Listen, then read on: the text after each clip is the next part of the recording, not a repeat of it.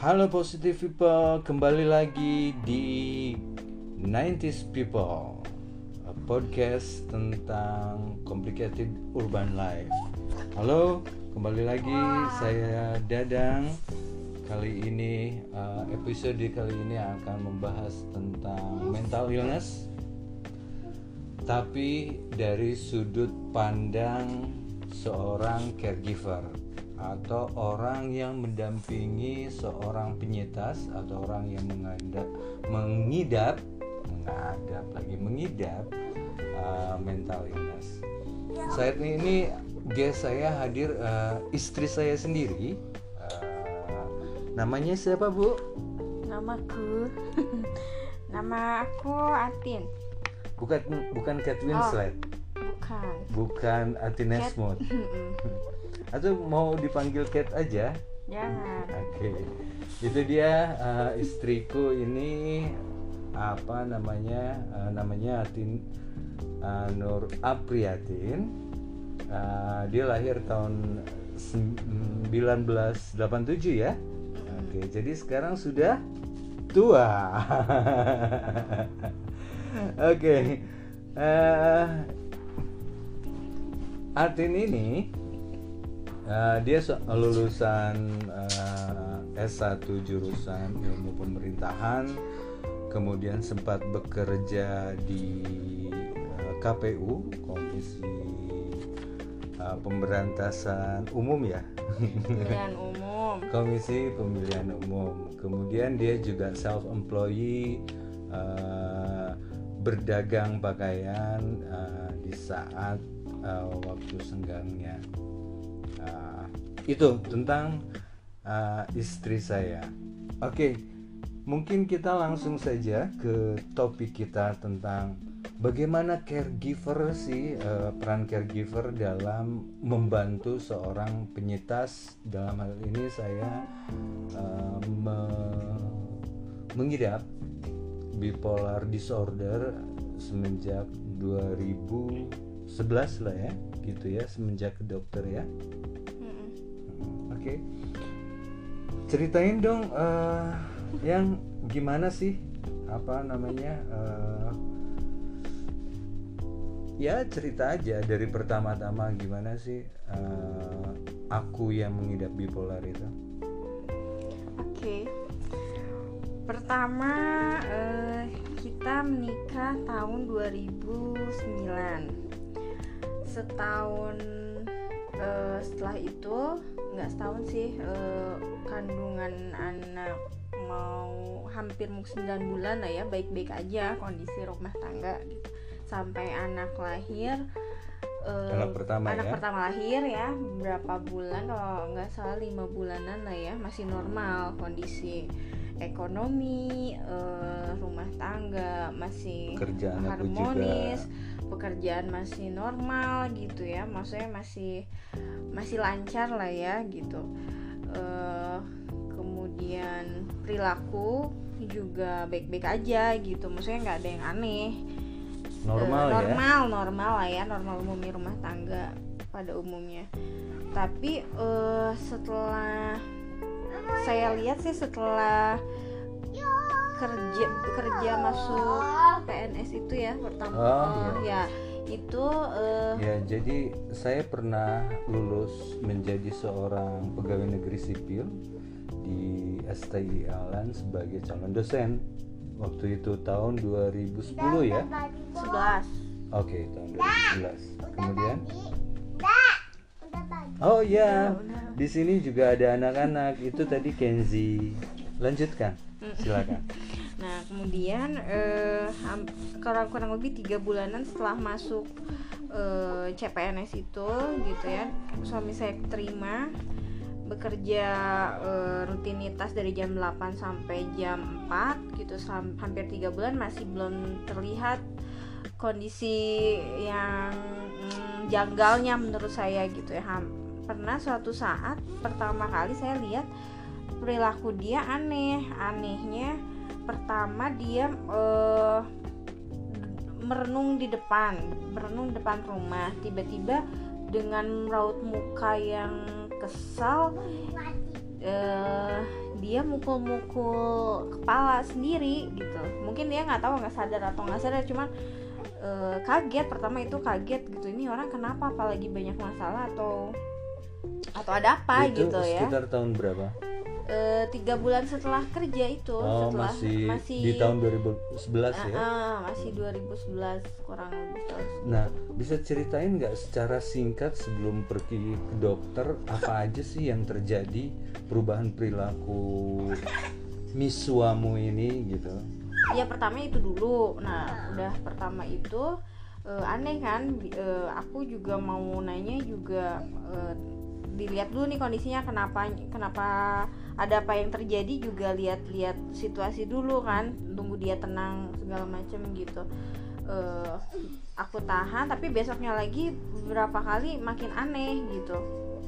Sempet eh, aku juga mikir hal yang aneh-aneh terjadi sama dia gitu ya. Entah di apa-apain sama orang atau apalah ya gitu. Dianya. Akhirnya heeh. Eh, berapa lama sih gejala perilaku aneh itu yang kamu lihat? Hmm, hampir ma- pertama-tama eh, hampir beberapa kali sering ya jadi makin makin ini makin kelihatan nah pernah suatu saat pas waktu kerja eh, pas istirahat dia tiba-tiba pulang gitu ya saya tiba-tiba pulang ke rumah tiba-tiba bete gitu ya dengan kondisi kantor yang aku nggak tahu ada apa cuman nah dari situ udah udah udah kedua kalinya nih perilakunya udah mulai gejalanya gejalanya kelihatan gitu. Kayak ada sesuatu tiba-tiba pas jam istirahat pulang ke rumah ngamuk bukan ngamuk kayak orang kesel dengan sesuatu gitu cuman aneh aku juga bingung gitu ada Tapi apa waktu gitu itu tidak meledak ya. belum gitu belum semeledak Nah, gitu. oke. Jadi sebelum ke dokter itu apa yang menyebabkan memutuskan untuk pergi ke dokter untuk diperiksa gitu? kelakuannya eh, makin hari makin hari kan makin aneh nah kemudian suatu saat eh, tambah parahnya pola pola tidur tidur dan aktivitas tuh eh, kebalik gitu. Dia jadi nggak mau beraktivitas di siang hari eh, malamnya bangun gitu. Kadang pernah seberapa hari nggak bangun-bangun gitu. Anehnya sih dari situ gitu dari dari eh, tidur yang di luar normal di luar jam tidur orang normal gitu nah Oke. itu berbulan-bulan ya dari dari dari dari setelah tahap yang yang tadi saya ceritain nah beberapa bulan berikutnya langsung begitu gitu kondisinya aneh gitu anehnya Kemudian diputuskan Iya. untuk mencari pengobatan. mencari pengobatan beberapa pengobatan mau spiritual mau eh, Ke ustadz. ke ustadz ke dokter gitu udah dicobain gitu Oke, apa aja sih yang ke mana aja eh, pengobatannya waktu itu? eh ke dokter psikiat kalau nggak salah ke Boromius ya waktu itu ya pertama Oh, pernah ya pertama kali pernah ke, ke Boromius. rumah sakit Boromius. Boromius terus eh, saya juga kaget gitu ya tiba-tiba difoni apa penyakit jiwa ya apa sih kayak Iya, mental men- illness. nah, itulah itu kan Iya. penyakit yang gangguan kejiwaan jarang, atau uh, penyakit kejiwaan. jarang jarang didengar gitu Hmm. yang nggak kayak sakit flu atau batuk gitu maksudnya kaget aja ternyata punya penyakit eh, yang aneh gitu menurut saya seumur hidup saya juga baru baru tahu ada penyakit kayak gitu Oke. gitu Selain ke dokter, ke rumah sakit Boromius, kita juga eh, pergi ke dokter lain ya, yang eh, waktu itu orang tua sudah tahu dan eh, diantar ke dokter Tia ya waktu itu Tia Jan, eh, Jenaka ya, Mm-mm. Tia Ja- eh, Jatnika eh, Jatmika. Hmm, itu dokter kedua gitu ya dan hmm, nah setelah selain pengobatan medis eh, ceritain dong ada usaha-usaha apa pengobatan yang dilakukan? Eh di Rukia pernah saya coba eh, supaya mm, mungkin gitu ya kita kan penyakit tuh pada penyakit hati penyakit yang terlihat penyakit yang tidak terlihat ya gitu. Eh, keimanan juga kemungkinannya kan mungkin ada gitu. Jadi rukiah juga pernah dicoba gitu. Dengan kera deng saya sih cobanya pertama cara Kera. cara keras cara cara halus cara keras udah dicobain gitu ya sampai nangis nangis gitu. Ah udah udah capek sebenarnya gitu kalau boleh jujur gitu. Soalnya Jadi sempat di Rukia, kemudian eh, orang tua aku juga bapak aku pernah mendatangkan eh, semacam paranormal. Kan kita anggap ada sesuatu di rumah itu. Halo Kenji, Kenji ikutan dalam siaran podcast ini. Halo Kenji. halo. Nah, Oke, jadi pernah mendatangkan paranormal. Oh, kita pernah ke Sukabumi untuk konsultasi dengan orang yang oh iya kalau istilah di eh, istilah internasionalnya tuh healer gitu. Jadi orang yang memang terbiasa bisa menyembuhkan orang-orang yang punya gangguan mental gitu. Eh, atau kalau dalam kasarnya orang gila kayak gitu. Nah, kita sempat juga ke Sukabumi eh, berkonsultasi ya waktu itu Ya, dan jawabannya tuh aneh-aneh sih gitu. Ada yang bilang memang dari rumah, dari eh, apa turun temurun dari nenek moyang gitu pernah gitu ya. Terus ada satu hal sih yang eh, percaya nggak percaya ya. Pernah di foto, aku, eh, pernah ke foto nggak sengaja ke foto gitu ya. Foto suami bareng-bareng waktu buka buka puasa bareng gitu nggak sengaja ke foto. Pas dilihat-lihat eh, tampilan fotonya aneh gitu. Jadi tidak menyerupai manusia menurut aku gitu. Dan itu aku masih simpan buktinya gitu. Nah itu makin menguatkan ini ada sesuatu nih gitu ya, ya di walaupun aku punya versi yang berbeda ya, mungkin melihat coba- foto cuman itu. ya, ya, sayang. Apa sayang? Enggak ada buah-buah yang satu-satu gitu. Oh, iya. Oke, kita lanjut Nah, ya. lanjut ya. ya nah, oke. gitu, eh, Jadi macam-macam. eh, pengobatan medis ke psikiater, kemudian ke sebutlah eh, healer lah ya atau paranormal atau ustadz gitu. Kemudian eh, nah gimana sih kamu menghadapi aku yang mengidap bipolar ini yang kadang-kadang ngamuk gitu ya, eh, banting-banting barang gitu ya. Gimana sih? awalnya sih eh, kebetulan aku punya mental mungkin eh, beda maksudnya terbiasa sama kekerasan sih bukan di lingkungan keluarga cuman dari Bukan kekerasan mungkin, Bukan. tapi disiplin. Oh iya disiplin, maksudnya jiwanya itu loh jiwanya eh, dibikin eh, supaya supaya tidak lemah gitu dari dulu kayak maksudnya dengan eh, Jadi ada didikan Ya, yang disiplin kemudian tangguh lah ya karena uh, on the record uh, her father is a police officer. Jadi uh, bokapnya Atin ini uh, pejabat polisi gitu di Polda dulu kemudian di Polsek ya. Polres Uh, oh Polres Kabupaten Bandung Polres Bandung. kayak gitu jadi ada uh, asuhan yang mematri sehingga uh, memang jadi kuat terutama anak sulung ya anak pertama ya Uh, oke Nah, Mm-mm. Heeh. Awal-awal eh, eh, ada awal-awal ada rasa oh mungkin ini cuman cuman sebentar gitu ya penyakit ini. Kemudian eh, kebangkit lagi gitu. Aku eh, optimis lagi bisa sembuh, optimis lagi bisa sembuh gitu. Sampai pada titik jadi naik turun sih gitu. Ada ada masa aku menghadapi eh, suamiku tuh pasrah sabar sama eh, apa ya ah, terserah lah gitu. Jadi ada tahapan-tahapannya gitu. Jadi soalnya lama banget gitu kalau dipikir-pikir se- se- sembilan tahun ya sembilan tahun. 2011 sam- sekarang 2020 ya Iya. 19 tahun jalan. Dan Iya. iya iya iya ada kartu nggak? iya. Ah, mau ikutan siaran Kenji? Iya. Nah, kemudian di titik sampai sampai udah menyerah, maksudnya menyerahnya juga aku aku udah udah mikir udah mau lepas gitu, maksudnya aku udah nggak tahan sebenarnya gitu. Ada pada tahun keberapa ya gitu.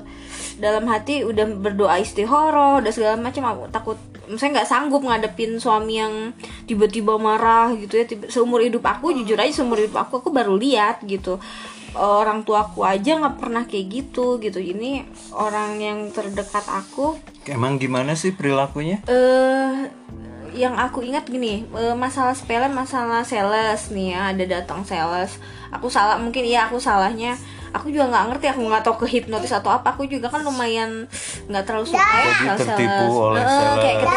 aku aku Kemudian beli- reaksi aku gimana? reaksinya iya itu iPad Tasha pakai paku. Oh iya pakai paku ya hmm. nah Terus iPad Tasha pakai Oh. bohongan. Mm, mm, bohongan.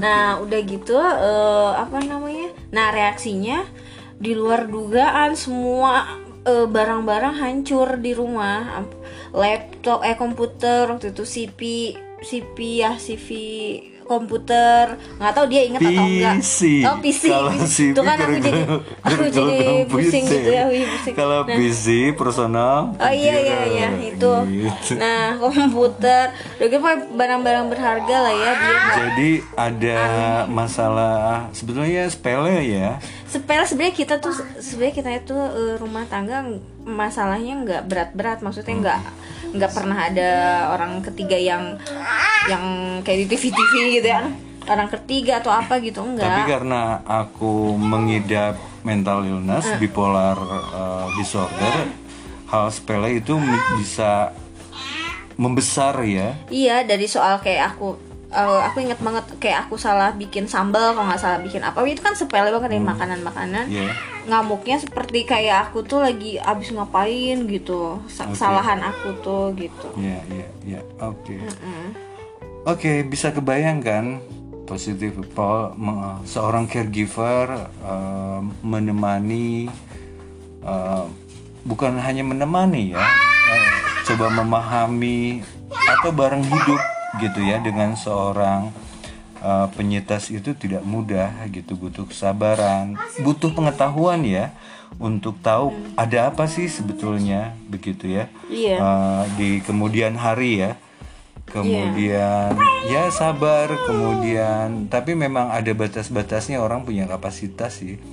Tapi intinya sabar dan terus berusaha ya tidak menyerah untuk untuk untuk sembuh gitu. Jadi eh, sayang tuh berusaha tetap optimis aku bisa sembuh sampai saat ini. Dan ya alhamdulillah. Sebelum dilanjut eh, kita akan interlude interlude dulu. Interlude itu kita jeda dulu sebentar ya. Kita akan kembali dalam beberapa detik saja. Oke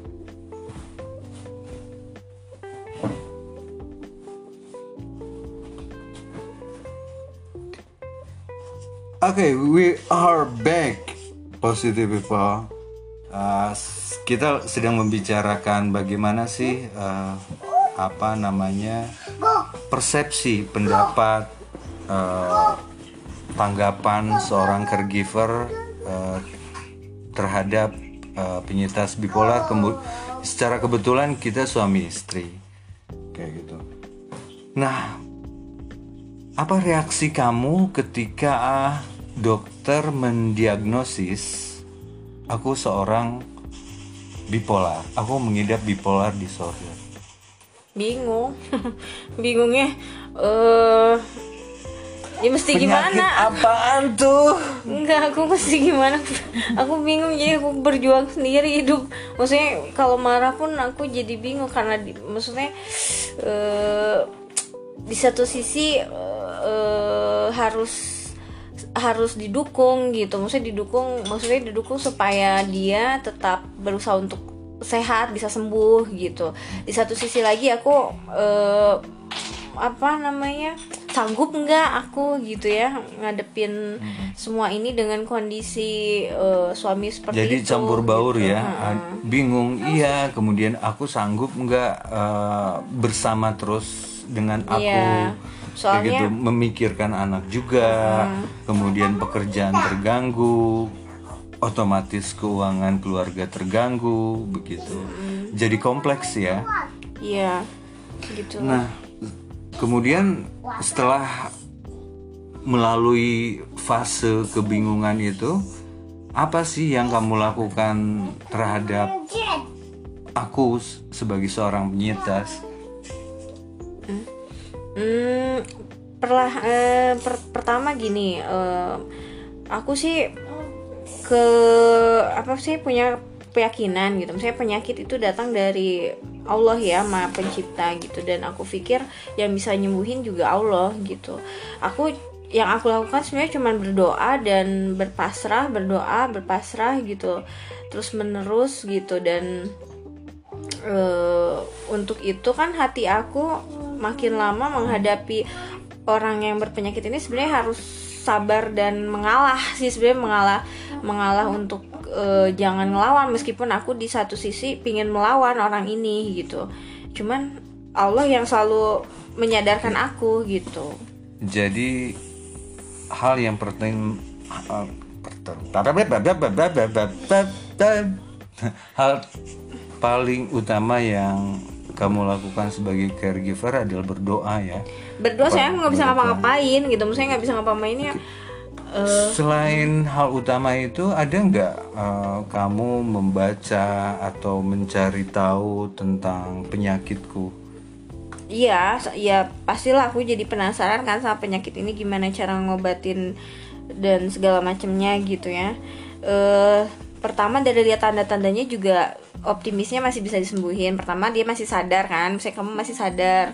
Ya, apa yang dilakukan? Membaca, berkonsultasi dengan dokter misalnya, atau Pertama sih mm, membaca dan kalau konsultasi ke bukan konsultasi, misalnya ngobrol-ngobrol sama orang yang orang lain pun kadang hanya paling ini adik ipar aku gitu yang ngerti dan paham gitu. Jadi kebantunya sih sama itu bahwa meyakinkan bahwa emang ada penyakit seperti itu gitu. Oke, by the way, adik ipar istriku ini seorang dokter kebetulan dan Temennya ada yang gitu dan sama. tem, eh, ad- eh, temennya adik ipar ini ada yang juga mengidap bipolar waktu temennya kuliah ya teman kuliahnya ya waktu kuliah. Jadi dia ya walaupun bukan spesialis bukan psikiater tapi dia ngerti cukup banyak ngerti tentang nah, penyakit eh, kejiwaan ya.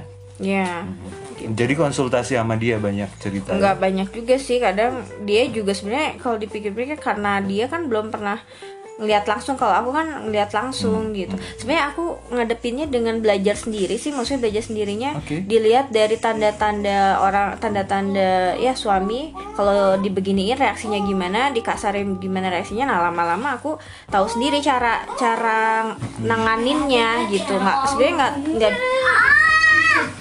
sebenarnya sih nggak eh, apa namanya jadi dari pengalaman sih dari pengalaman tahap-tahap ini jadi aku ngerti sendiri sebenarnya ngadepinnya gitu. Oke. Gitu sih. Jadi lebih praktis Eh, ya? nggak kalau teori kadang kita kurang paham tapi kalau kita dimengerti gitu oh begini tanda-tandanya reaksinya. Eh tapi maksudnya kalau ada perubahan gitu dari dari muka aja sebenarnya aku udah tahu gitu nih orang nih suami gitu ya udah mulai beda nih aduh aku salah nih ngomongnya gitu reaksinya beda oh berarti harus kayak gini harus gini udah tahu tanda-tandanya Oke, sekarang berbicara tentang pengobatan medis, obatnya. Kayak gitu. Aku kan dari 2011 sampai sekarang nggak putus obat, walaupun di saat-saat normal aku putus obat sempat putus obat gitu ya.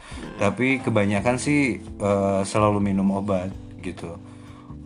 Eh, Ya, untuk informasi uh, Positive People saya minum obat hmm, beberapa beberapa macam. Pertama Nexotin itu untuk menaikkan mood kalau dalam kondisi depresi.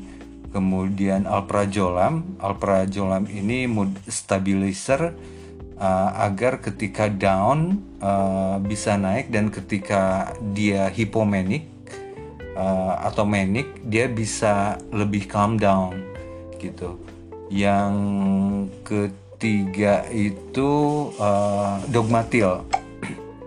Saya kurang paham uh, apa ini dogmatil tapi ini juga uh, obat sya- obat syaraf kata uh, farmasis ya ketika saya tanya. Kemudian setelah itu ada obat tidur uh, karena sering terjadi gangguan tidur kayak gitu nah gimana saya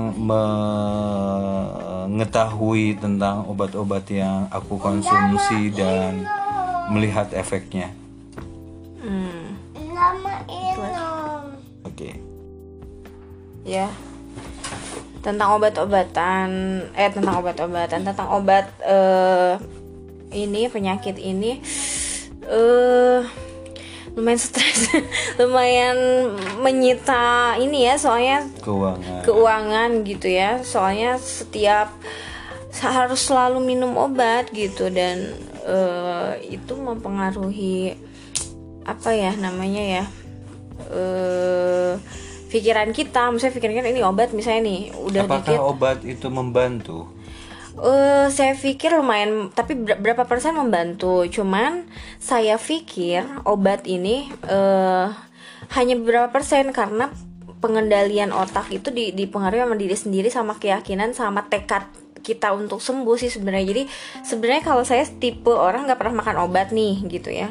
Eh jadi kalau punya penyakit pun pribadi saya gitu ya nggak pernah minum obat tapi yakin bisa sembuh dengan makan dengan ini dengan Oh, itu dengan gitu. sugesti. dengan sugesti kalau saya lebih ke sugesti mungkin obat ngaruh cuma berapa persen? Tekad sembuh dan eh, pik- apa kekuatan melawan diri sendiri pikiran kita sendiri itu yang nomor satu menurut aku gitu. Jadi menurutmu obat nggak terlalu Eh, banyak ada berapa membantu? eh, berapa persen gitu berapa persen berapa persennya lah bisa membantu gitu ya. Cuman eh gimana eh, ternyata kan pertama misalnya eh, kalau kita lagi nggak ada masalah misalnya masalah kita sedikit sedikit sudah teratasi secara nggak langsung sebenarnya eh, nggak terlalu membutuhkan obat sih sebenarnya karena situasi pikirannya juga nggak nggak stres kan gitu. Jadi oke. nah, jadi obat sebetulnya nggak dibutuhkan kalau tidak diperlukan maksudnya dalam kondisi-kondisi tertentu ketika iya. Alhamdulillah good uh, positive people saya dalam kondisi normal sekarang. Jadi uh, ter- uh, sudah bangkit dari depresinya kemudian tidak ada manic begitu. Dan tapi sekarang masih tetap konsumsi obat atau stop obat. Kalau kalau ada panic attack atau ada cemas atau kurang tidur Uh, atau misalnya ada trigger yang uh, bisa membuat saya meledak, saya bisa calm down-nya salah satunya dengan uh, obat kayak gitu. Oh ya, ceritain dong gimana sih mm, ketika di masa-masa paling terendah aku di masa-masa kesulitan dengan penyakit ini hubungan sosial aku, hubungan di keluarga inti, uh, hubungan dengan orang tua, mertua, dan saudara-saudara lain. Hmm, pastinya jadi berubah ya, jadi pada menjauh gitu. Ha- eh, da- kalau misalnya dibilang ke semua orang kayak dimusuhin semua gitu dari mulai eh, orang tua, saudara, hmm, istri apalagi gitu ya, mertua, tetangga gitu. Ngeri sih, maksudnya ngerinya dampaknya ke ke keluarga, ke perilaku, ke keluarga pertama. Kayak gini contoh sepelanya. Aku punya temen jadi males main ke rumah akunya gitu ya. Takut misalnya ngeganggu suami dan aku pun gak nyaman. Anak punya teman mau main dibawa ke rumah takut ayahnya misalnya keganggu atau jadi mempengaruhi sih sebenarnya gitu. Jadi susah sosial kita jadi ketutup semua sebenarnya gitu. Nge- berpengaruh lah. Jadi memang bipolar disorder ini uh, bukan hanya penyakit uh, psiko, uh, psikis aja ya, bukan ma- masalah kejiwaan aja, tapi ini berdampak pada perilaku dan perilaku uh, merusak hubungan sosial di sekitar kita ya. Ya. Itu yang terjadi ya. Uh, dengan kita sempat berantem wah lama gitu sampai nggak uh, bicara sampai berbulan-bulan gitu ya. Kemudian hampir retak ya hampir ada worst case lah di hubungan kita. Kemudian hubungan aku dengan uh, mertuaku juga aku coba menjaga jarak sesedikit mungkin interaksi. Kemudian begitupun dengan orang tuaku sendiri. Tapi alhamdulillah sih kalau orang tuaku sih uh, they are the best uh, parent that I ever had gitu ya. Maksudnya mereka uh, orang tuaku tuh orang yang paling baik paling ngerti gitu ya. Di tengah uh, kesulitan keterpurukan aku kemarin. Di, di samping kamu tentunya ya gitu ya. Kemudian tapi hubungan sosialnya retak semuanya. Nah kalau pekerjaan gimana? Pekerjaan? Ya kondisi pekerjaan aku sama sekali. Nggak ada. Maksudnya uh, ya bingung disuruh kerja aku maksa-maksa kerja juga ngobrol aja susah gitu kayak kasarnya kayak orang mati gitu. Maksudnya orang mati tuh uh, hampir nggak bangun-bangun. Pernah tuh berapa hari nggak bangun-bangun gitu. Dan aku anggap ini orang nggak ada udah nggak ada. Maksudnya nggak adanya karena emang fisiknya ada tapi dia nggak ada dia di dunia lain aja gitu. Maksudnya di pekerjaan pun aku mau nuntut kayak gimana gitu nggak bisa. Gitu akhirnya ya ya aku juga nggak percaya bisa ngelewatin itu gitu ya. Kalau diinget-inget lagi yeah. gila mbak ini banget gitu ya. It's unbelievable ya mm -mm. ya jadi good uh, good people good people manet ya. Kita positive people. Jadi uh, ketika saya relapse atau kambuh itu memang konsentrasi tidak ada sama sekali. Kayak gitu. Maksudnya kemampuan konsentrasi itu sedikit sekali.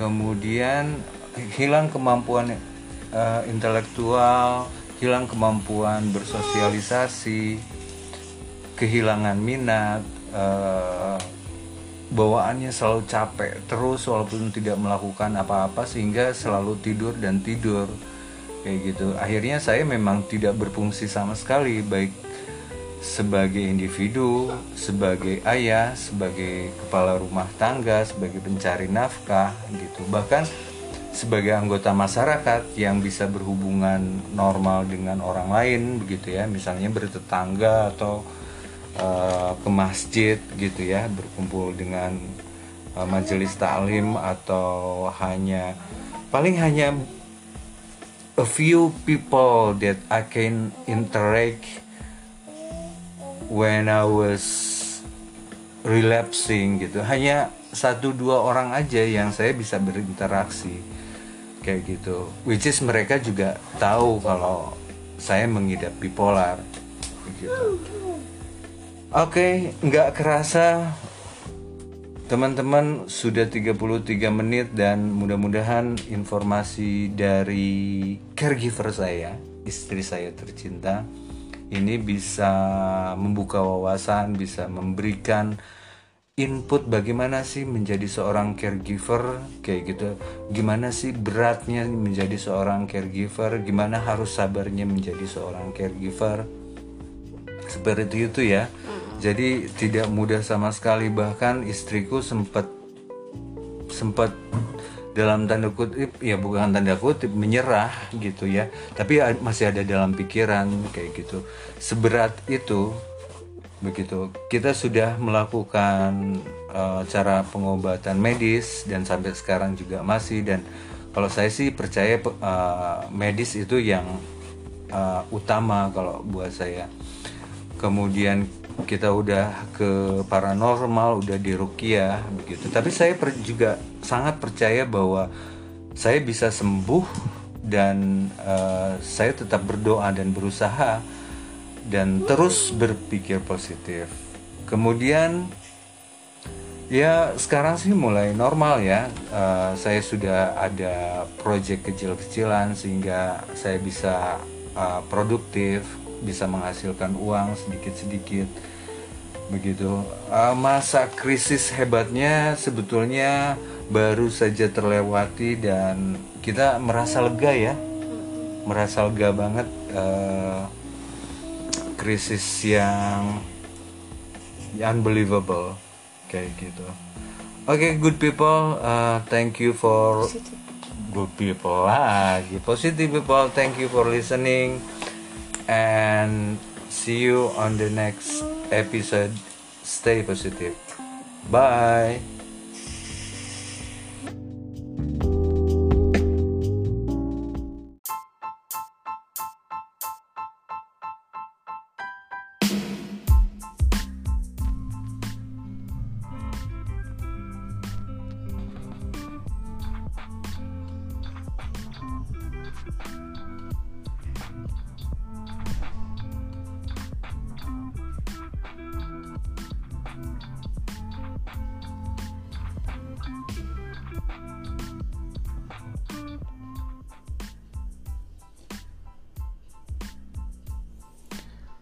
Good morning positive people. Kembali lagi dengan saya Dadang dari podcast 90s People.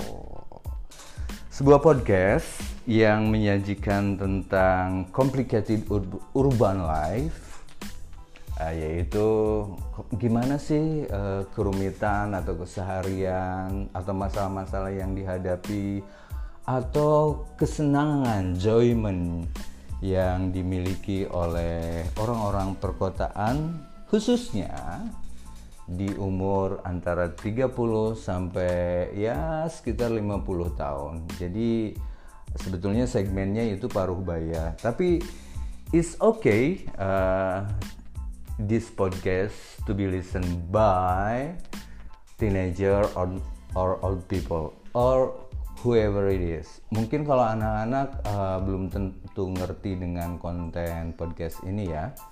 Oke, hari ini kita akan kupas apa sih yang akan dibicarakan oleh podcast 90s People. Uh, kita akan bicara tentang bagaimana sih pernikahan orang-orang urban uh, yang uh, kebanyakan suaminya bekerja, istrinya bekerja, atau suaminya bekerja, istrinya mengurus uh, rumah tangga di rumah, atau sebaliknya ada suaminya yang kerja di rumah, istrinya kerja di kantor di luar rumah, gitu. Jadi tentang marriage gitu ya. Kemudian uh, bagaimana sih naik turun pernikahan itu ada yang uh, uh, in uh, happy marriage gitu. Bagaimana mereka menghadapi masalah pernikahan sampai in the worst case uh, they get divorced. Selain itu kita juga akan bahas-bahas akan bahas-bahas akan membahas juga tentang kebudayaan atau kebiasaan sih sebetulnya. Misalnya kebiasaan tentang membaca gitu. Ini jadi fenomena unik di Indonesia karena based on common knowledge Indonesia punya rate indeks baca yang rendah dibanding uh, negara-negara uh, di dunia. Uh, mungkin bahkan di negara-negara Asia kayak gitu kita akan bahas tentang budaya atau kebiasaan membaca orang-orang di perkotaan gitu Kemudian kita juga akan bahas tentang musik nih gitu, tapi khusus musik di tahun 90-an. Bagaimana sih emergingnya atau naiknya scene 90s ini mulai dari alternatif, grunge, indies, uh, hip hop uh, dan seterusnya. Atau mungkin sampai rock and roll, sampai punk rock kayak gitu karena banyak komunitas di Bandung pada tahun 90-an itu mereka sudah berkomunitas tapi um, term komunitas itu muncul uh, baru pada tahun setelah dua tahun dua, uh, 2000-an uh, ke atas. Nah, selain itu juga kita akan bahas tentang subculture surfing di Indonesia itu karena saya hobi surfing selancar air di laut begitu. Bagaimana sih uh, masuknya olahraga atau permainan surfing ke Indonesia, kemudian uh, bagaimana perkembangannya, bagaimana sebarannya, karena kita punya coastline atau pan pantai terpanjang di dunia, gitu. Jadi menurut salah satu data, Indonesia merupakan negara yang paling panjang coastline-nya dan mempunyai sumber daya ombak yang paling nggak paling besar sih yang ya cukup potensial dan banyak yang berstandar internasional lah ombaknya. Nah di samping itu juga uh, oh ya kita juga uh, membahas tentang mental illness uh, di episode pertama. Uh, saya dan Amanda, uh, kebetulan Amanda tidak hadir uh, hari ini, dia juga, juga sebagai salah satu host di 90s People saat ini Amanda sedang di rumahnya dan ini hanya sekedar guidelines bukan guidelines sih big picture of 90s people podcast gitu uh, selain itu juga kita akan bahas ke belakang bagaimana sih kehidupan di era 90-an yang jauh berbeda tentunya dengan sekarang eh, terutama khususnya dengan penggunaan teknologi ya kayak gitu. Bagaimana orang berinteraksi bagaimana anak-anak muda nongkrong apa kesukaannya apa gaya rambutnya apa gaya pakaiannya apa hobi-hobinya kayak gitu ini berbeda uh, pasti dengan sekarang dan berbeda juga dengan era-era sebelumnya tahun 70-an, tahun 50-an kayak begitu. Tapi kita akan fokus di tahun 90-an. That's why we call 90s people. Uh, selain itu juga uh, kita akan bahas tentang kebiasaan-kebiasaan orang urban ya, gitu. Mulai dari tren-tren uh, yang ya yang lagi hip sekarang lah lari gitu ya kemudian biking, naik sepeda, what else, um, uh, sosial media gitu, digitalisasi dan seterusnya. Oke, okay, untuk saat ini saya hanya menjelaskan bagi apa sih podcast people itu dan apa kontennya. Saya Dadang Tahyu dan ada host lainnya Amanda Angela Sasongko. That's it for now and then be positive